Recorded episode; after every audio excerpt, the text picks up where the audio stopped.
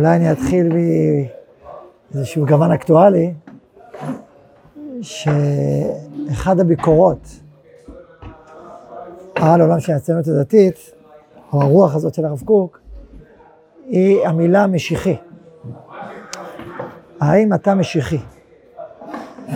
כאשר הביקורת שמאחורי המילה הזאת היא בעצם אה, מתארת משהו הזוי, מנותק, מחובר לאיזשהו רעיון ללא קשר למציאות. ולכן בסופו של יום רעיון ש, שמנותק מהמציאות, רעיון אוטופי, רעיון אה, שלא קשור למציאות, הוא, הוא מתנפץ אלי הסלע. ואם מתארים את זה באופן קיצוני, מדברים על טירוף. זה מין איזה ניצוץ שגורם לך איזשהו, כמו שבא לך בן אדם איזה סכן פרוע ואומר שהוא המשיח. נכון? אז אתה אומר, מה, האדם הזה הזוי, הוא משוגע, אה, הוא מפחיד, הוא מאיים, שום דבר לא עוצר אותו.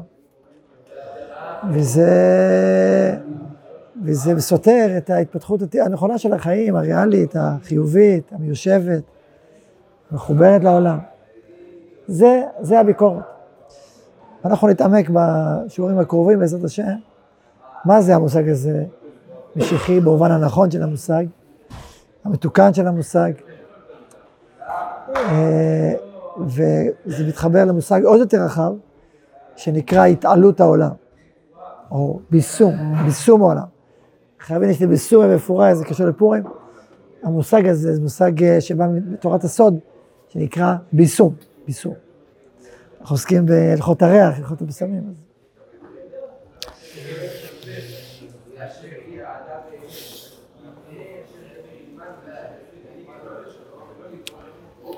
כתוב, ורוח אלוהים מרחפת על פני המים. מרחפת, רוח אלוהים מרחפת, אומר הזוהר, דא רוחה דמלכה משיחה. הרוח שמרחפת היא רוח של המלך המשיח. עכשיו,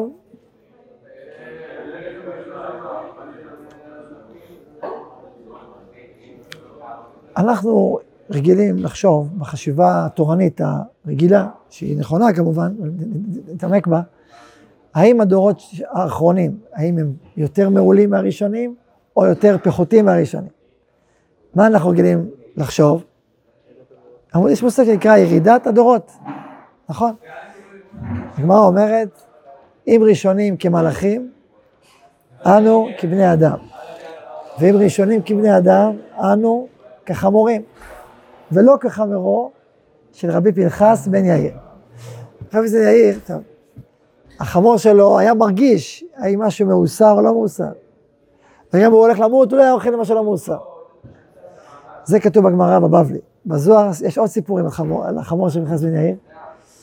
למשל, הוא הלך בדרך, פתאום החמור נהר איזה נהירה גדולה. אה, כנראה איזה צדיק מגיע, שתי נהירות, הוא קרוב אלינו. הוא מריח איזה אדם גדול מגיע, פתאום הגיע רבי שמעון יוחאי, הגיע זה, הגיע זה, החמור, נהר, הוא קלט.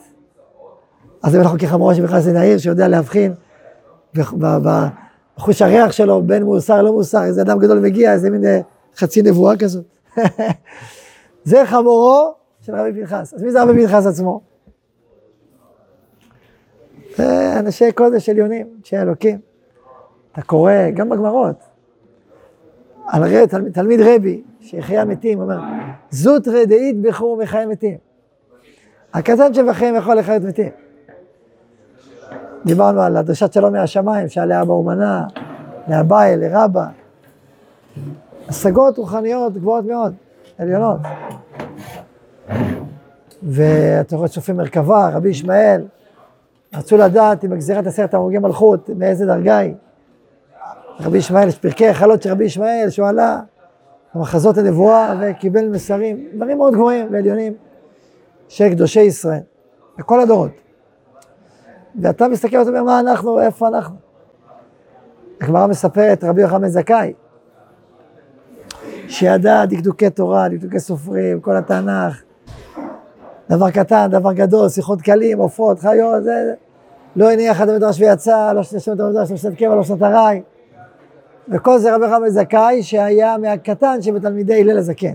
אפשר להגיד שהקטן מהבינונים, הקטן שבגדולים, כך או כך, אבל גדול ממנו אתה מנוזיאל, שעוסק בתורה, כל עוף שפורח מעליו היה נשרף. אתה רואה מדרגות נישאות, עליונות, נשגבות. אתה באמת אומר, אם ראשונים כמלאכים, מה לא כבני אדם? זה נאמר בצדק, זה לא סתם נאמר. ויש גם בחינה שהראשונים כמלאכים היו מחוברים עוד לתקופות הנבואה, ברוח הקודש, בית ראשון, בית שני. כתוב בית שני פסקה נבואה, אבל היו משמשים בבת קול. כלומר, היו משמשים בדרגות עליונות של, של בת קול, וזה דרגות עילאיות של, של תורה ושל קדושה ושל...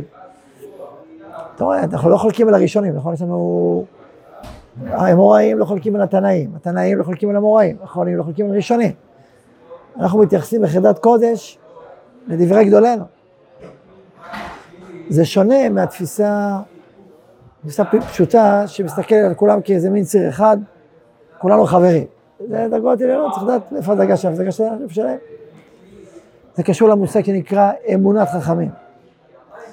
האמון שיש בחכמים, בגדולתם, בצדקותם. עכשיו זה לא אמון סתם, זה אמון שנובע, אתה רואה, אתה רואה את האמון.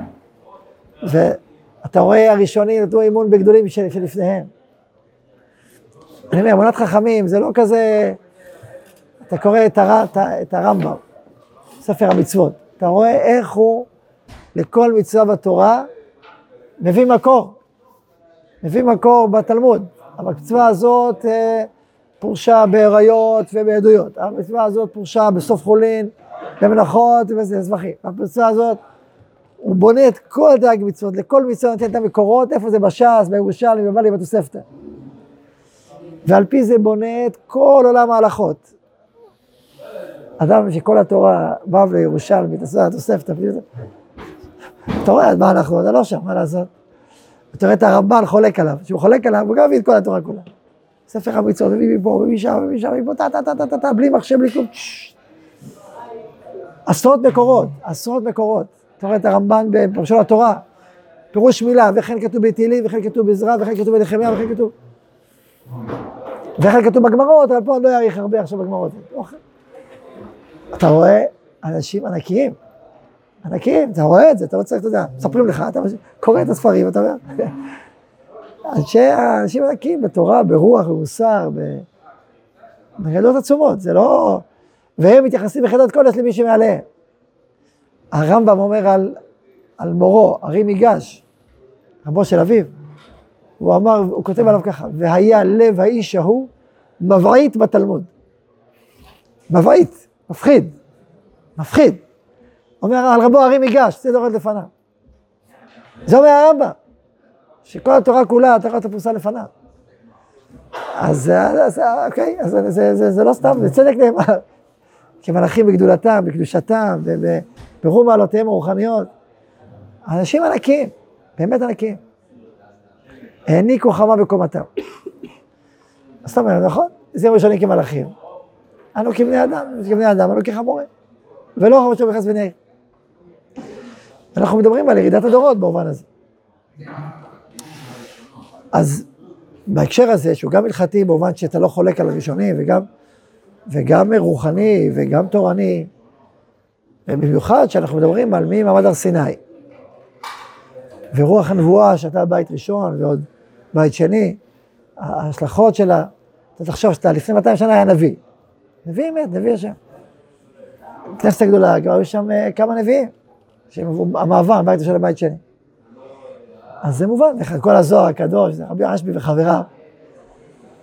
בסדר, זה גדולה, נכון? אז, אז, אה, אז זו, זה ציר, מה שכמו שאמרתי עכשיו, זה ציר יסודי ושורשי ועמוק בכל התפיסה הרוחנית, היהודית, ההיסטורית שלנו. כן, זה. עכשיו, לפי כל המהלך הזה, אז שאנחנו, הדור שלנו, הוא מיעוטא דמיעוטא דמיעוטאיו, נכון? סבי, זיכרונו לברכה, תמיד היה אומר, מה אנו, מה חיינו. ויש אמת בזה. כשאני אומר שאני אגיד צד שני, זה לא שהצד הראשון לא האמת, לא האמת, אבל זה לא כל האמת. זה צד, צד אמיתי מאוד, שאנחנו הולכים איתו וחיים לפיו. אבל, אבל, אבל, אבל, אבל, יש צד שני. יחד עם זה, יש צד שני. צד שני. מה הצד השני? שעם זאת, שאנחנו מתרחקים עם המד הר סיני, מתרחקים עם הנבואה, עם זאת, יש צד הפוך. מה הצד ההפוך? שאנחנו מתקרבים למה? לגאולה. מי יותר קרוב לגאולה?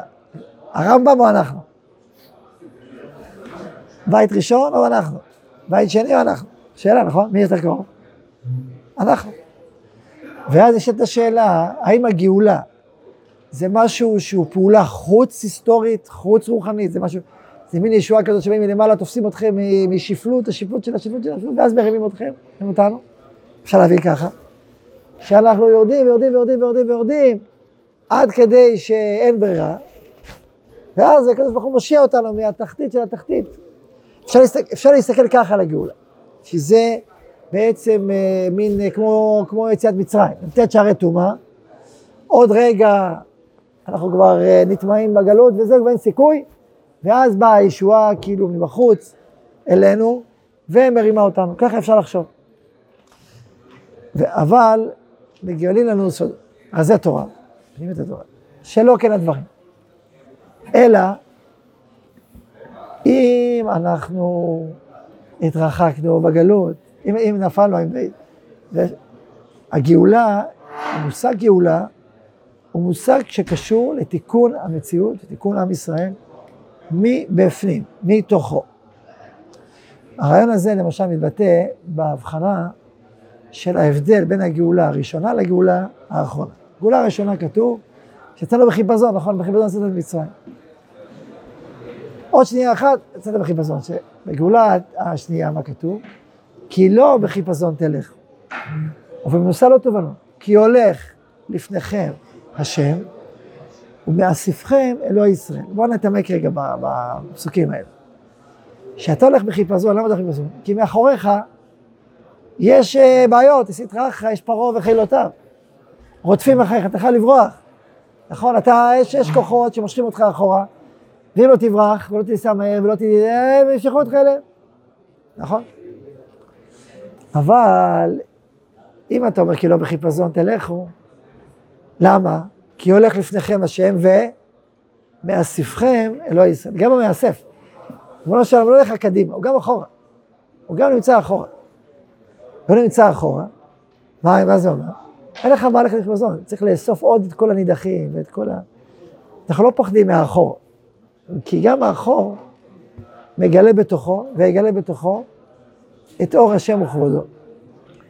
כשאנחנו מדברים על העתיד, שהיה השם אחד, יהיה השם אחד, ושמו אחד. כשאנחנו מדברים על לתקן עולם במלכות שדי. אז אנחנו מדברים על תיקון כל המציאות, לא רק חלקה. לא להשאיר את כל המציאות בטומאתה, בפרעותה ובעברונה. וראי איזה מין ישוע, כמו שדיברנו על ביצת מצרים, שהמציאות הייתה כולה מסביב נמוכה מאוד, ורק יש איזה קו אור שמגיע, ולא, אנחנו מדברים על תיקון המציאות כולה. ודיבור על תיקון המציאות כולה, הוא מדבר על המושג שנקרא בעולם הסוד התבשמות. התבשמות היינו תיקון המציאות מתוכה. תיקון המציאות מתוכה, תיקון האדם מתוכו. יותר ויותר חלקים ברוח האדם, שפעם נחשבו שליליים, ואולי באמת הביאו לשלילה, ככל שאנחנו מתקרבים לגאולה, הופכים ומתוקנים יותר, ואמיתיים יותר, וטהורים יותר. וממילא כל כישרון ההקשבה והנאמנות לאדם ולעולם הופכים להיות יותר ויותר מכוונים. המציאות הולכת יותר ויותר והופכת מתוקנת ונעלה.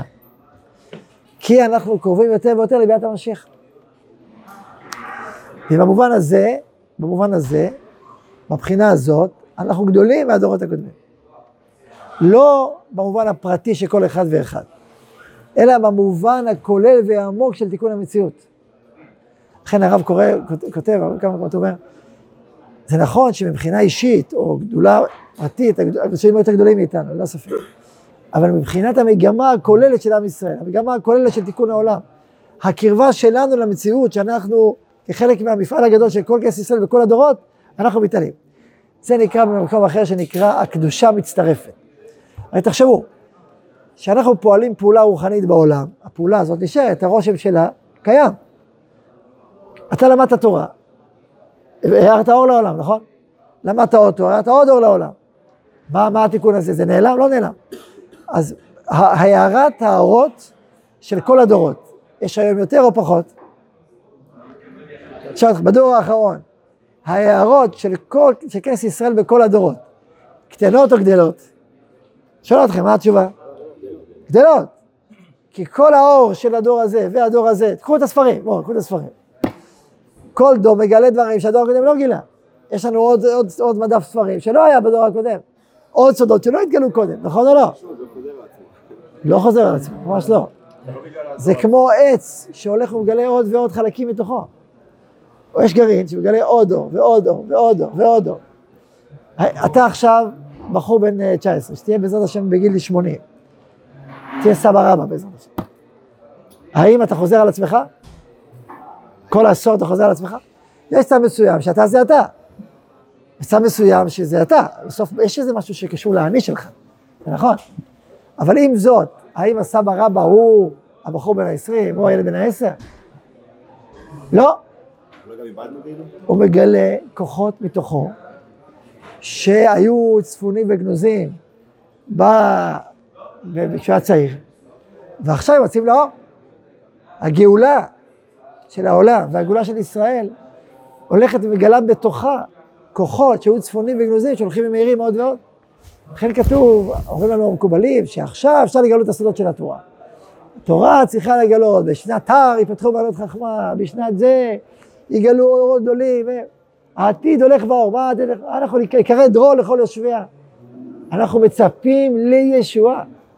אם הישועה זה משהו שהוא לא יותר גדול ממה שהיה, אז למה מצפים לה? נכון? אנחנו מצפים למשהו שהיה עוד יותר גדול. מצפים לגאולה עוד יותר פנימית, גאולה של בית שלישי. אז במובן של הציפייה לישועה, של הציפייה לעתיד, לגודל האור, אנחנו מצפים לדברים הרבה יותר גדולים ונשגבים. ואם אנחנו צועדים קדימה, אז זה קדימה, נכון? צועדים עוד צעד. אז יש צעד מסוים שאנחנו, ש, שבעצם נקרא עליית הדורות. עליית הדורות מבפנים, יש עליית הדורות מבפנים. התבשמות העולם, התבשמות המציאות, התבשמות הנשמות. ובמובן הזה, הנה אנחנו הולכים ומתעלים יותר ויותר מהדורות הקודמים. אנחנו שייכים לתנועה של תיקון, לתנועה של עלייה כבירה, שאנחנו חלק ממנה. ושם ישראל חוזר לארצו. אנחנו בעצם מתחברים לתנועת התיקון העליונה והאדירה של כל המציאות כולה, ורוח אלוהים מרחפת על פני המים. מה אנחנו חושבים? ש, שהגלויות והירידות, הכל זה תקלות, תקלות בייצור, תקלות במפעל, בורא עולם אה, רצה, הכל מוקדם, הכל נתקע. אז זה נכון שבמובן הנגלה, הבחירה החופשית, אז הובילה לירידות, זה נכון, אבל בנסתר, הכל הכל הכל הולך ומעלה את המציאות, הכל הכל הולך ומתקן, הולך ומרומם. זה בנסתר. בנס, בנגלה, זה לא סתם, יש ירידת הדורות. אבל בנסתר, במקום פנימי יותר, יש עליית הדורות. וזה מהפכה ברוח, מהפכה במחשבה. אתם מבינים מה אנחנו אומרים? אני אומר? אבל שהצטרפתם, שתבינו מה אנחנו עוסקים. אני אגיד לכם בשתי מילים, רק תיווך. פתחנו את השיעור בהבנה, מה להתקדם כרגע בזמן כזה? זה מאוד שיושב פה.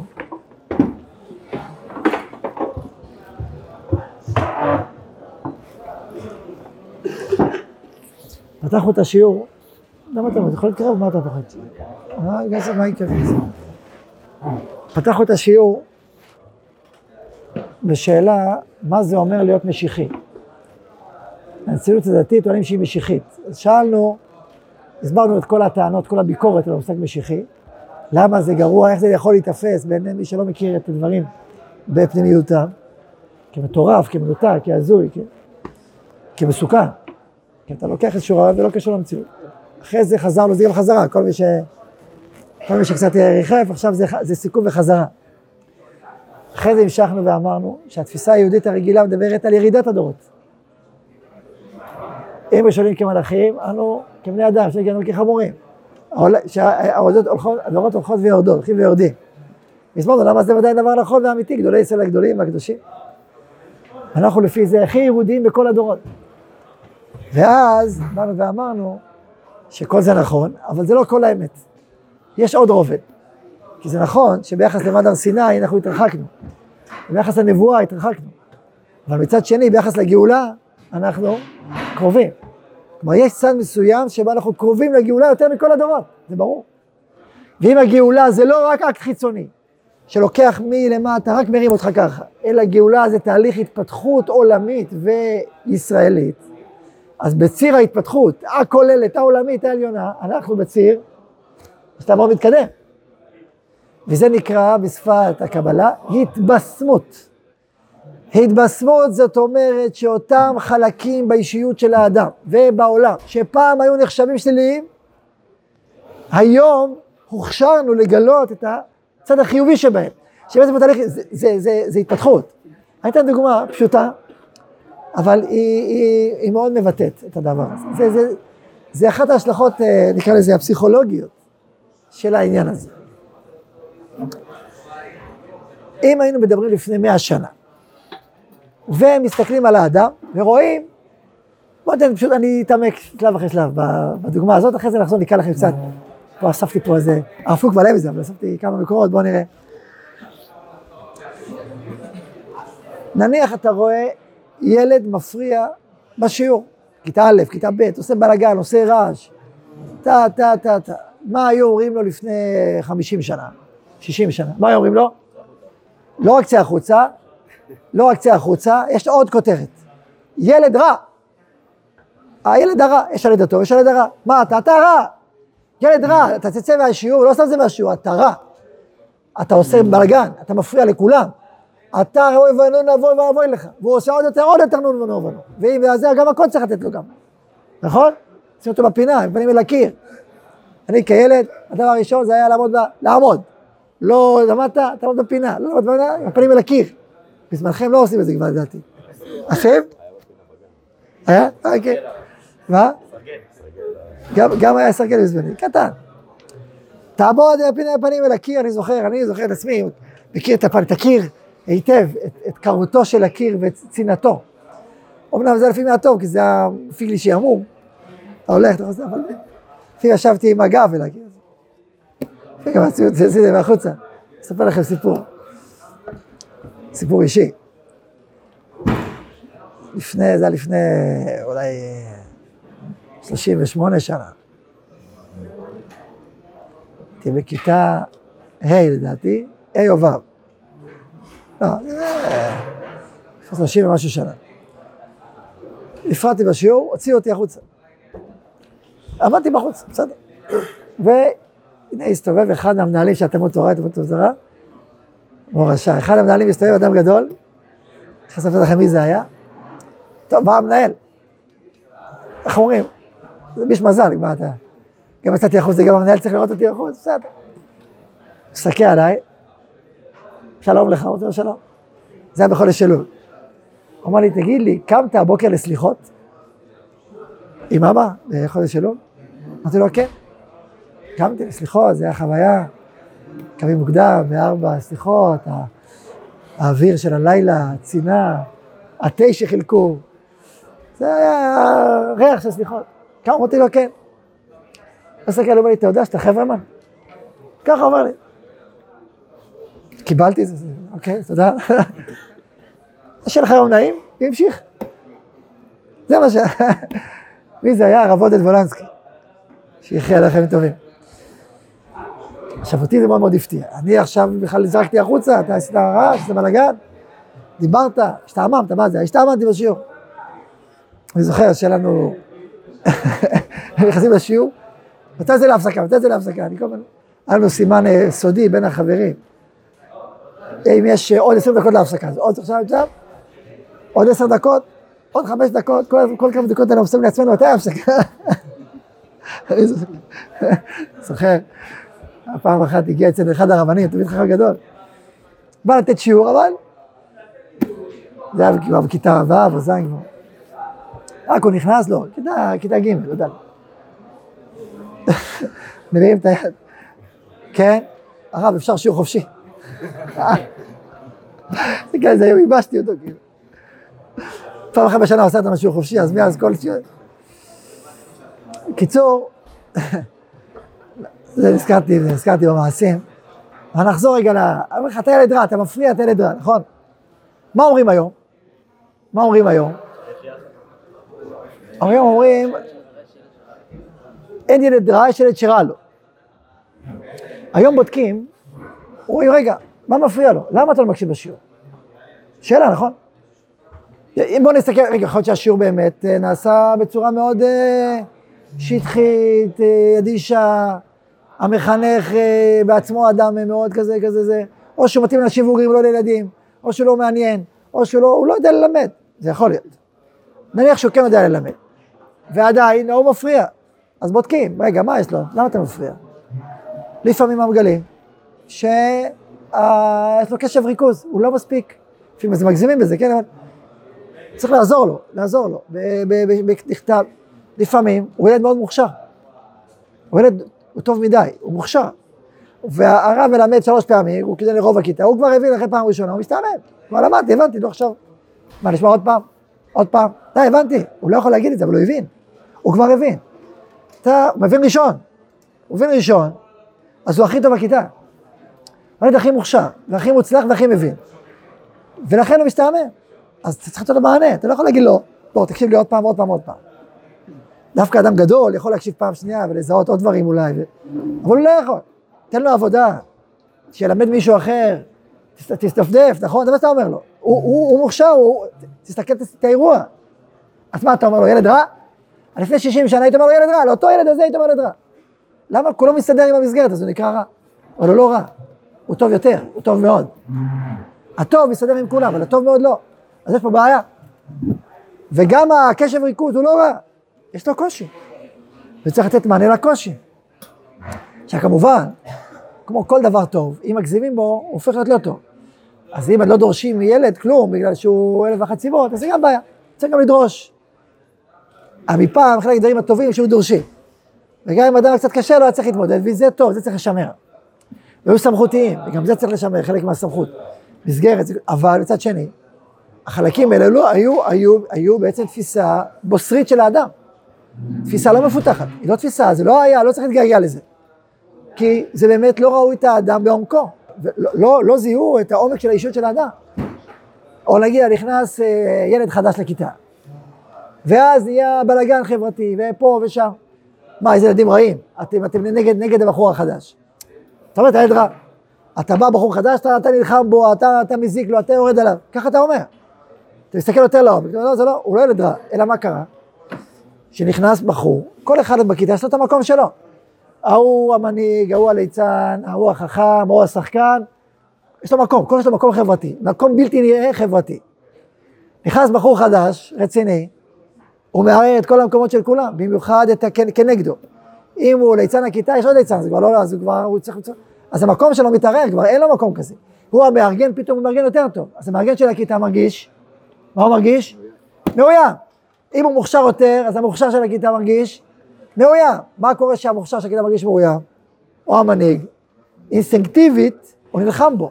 הוא אפילו יודע למה הוא נלחם בו. לא כי הוא רע, לא כי הוא אכזרי. לא כי הוא רק במישהו בא חדש שרוצה להעיף אותו לכל העולם, לא. הוא, הוא, המקום החברתי שלו מתערער, והוא מחפש אותו. האם לחפש מקום חברתי זה דבר רע? האם זה רדיפת כבוד שלילית? אז בואו נבין מה זה רדיפת כבוד. האם רדיפת כבוד תמיד היא רעה? האם כבוד תמיד הוא רע? אם כן, אז איך כתוב שהכבוד נהל לצדיקים? נכון, למדנו את זה בשיעור א', למדנו את זה בשיעור אלול. אם תמיד כבוד הוא רע, איך כבוד נהל לצדיקים? ואיך, ואיך אתה מכבד צדיקים, מכבד הורים? ממה נפשך, אם הכבוד הוא רע, אתה מכשיל אותם. מה, מה, אתה מכשיל, איזה כבוד הוא רע, אתה, אתה לפני נותן מכשול. בא הרב גדול, אתה קם לפניו, שר לו, שר לו שירים, מה, מה, לפני נותן מכשול, אתה מכשיל אותו. לא, הם לא רבים עליו, הם לא... אם מישהו מגיע, הם אה, מתערערים. גם אם הוא לא רב על הכבוד, אתה עכשיו מכשיל אותו, נותן לו כבוד גדול, אתה מכשיל אותו. אם הכבוד הוא רק רע, הכשלת אותו, לא?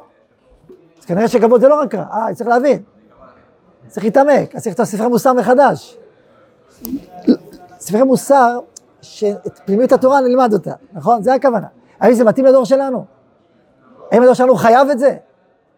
אז מה אנחנו, יותר או פחות? יש ציר מסוים, יש ציר רוחני ונפשי, שאנחנו בעלייה, שאנחנו בהתפתחות, שהעולם מתקדם.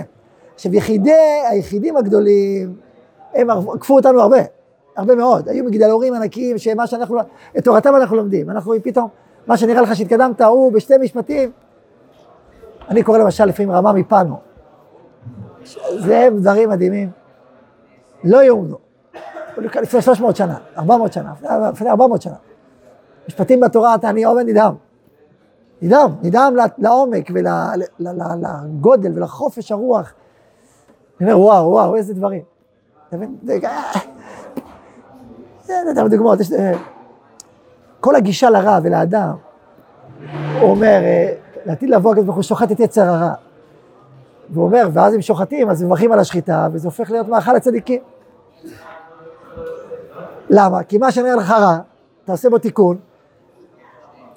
נימית את הרע שבו, את העצמאות שלו, מה שהופך להיות מנותק ואנטיתזה, ומגלה את הטוב והאור שבו, ואז זו סעודה יפה מאוד, צדיקים נהנים. אה, אבל זה היה רע לפני עשרים שנה, זה היה רע מאוד, זה היה רע מאוד, אבל עכשיו העולם מתפתח, האדם מתפתח, והתודעה התפתחה, והיא מבקשת את הדברים היותר עמוקים ויותר פנימיים שמתאימים לנשמות, והנשמות שמחות לשמוע את זה, וזה מוסיף בהם כוח וקדושה. דברים מדהימים. אז אנחנו בעלייה או בירידה? אנחנו בעלייה לפי זה. כי העולם צריך להתקדם והוא מתקדם. אנחנו באמצע. יתרה מזאת, יתרה מזאת, תקשיבו טוב, זה דברים עמוקים על... זה אי אפשר להבין את הדור ואת הדורות ואותנו בלי זה. אומר הרב, אני אקרא לכם בכל כמה מילים, יש פה הרבה מקומות, מקומות, הרב. זה, זה, זה משנה את כל התפיסה החינוכית, הרוחנית, הפסיכולוגית, האמונית.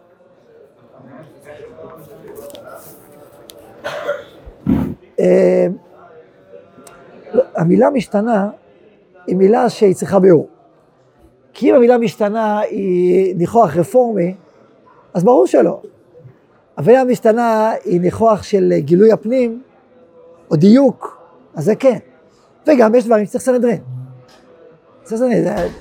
תורה שבעל פה בתפארתה, בגדולתה, איך זה בית דין, סנהדרין, 120, 23, 120, 60. יושבים, תורה שבעל פה החיה מדור לדור.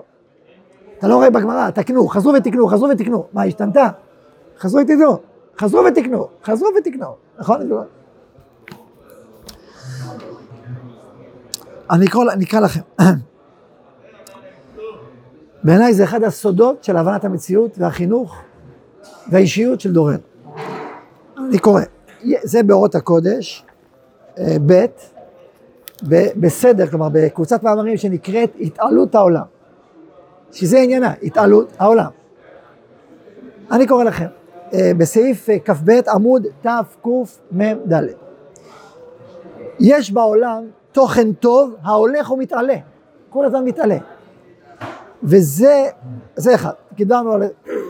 וזה התוכן, מתגלהו ברצונו וטבעו של האדם גם כן, זה לא רק באדם, זה בכל המציאות. רוחו של משיח היינו רוח התיקון העולמי. העולם הולך ונתקן, העולם הולך ועולה. אם נשאל את המדענים, החילונים, כביכול, האם אתם חושבים שהעולם מתקדם? האם אתם בעד ההתקדמות? בטח. אני פעם קראתי מאמר שלם של פרופסור, שאנשי הדת שייכים לעבר. הם מדברים על המעמד הר סיני, מדברים, אבל העתיד, לא, בקושי מתקדמים, זה נגד אנשי הדת. זו תפיסה שטחית מאוד, אבל למה שטחית? כי הוא רואה את הדת באופן מאוד מאוד חיצוני. אבל הוא המדען, מה זה רפורמה? אתם יודעים מה זה רפורמה? שינוי והתקדמות, כאילו, נכון, אנחנו מדברים על רפורמה, על מה? מהלך התקדמותי, מהפכה או רפורמה. יש בעולם תוכן טוב ההולך ומתעלה, וזה התוכן, נגמר לנו הזמן ולא התחלנו.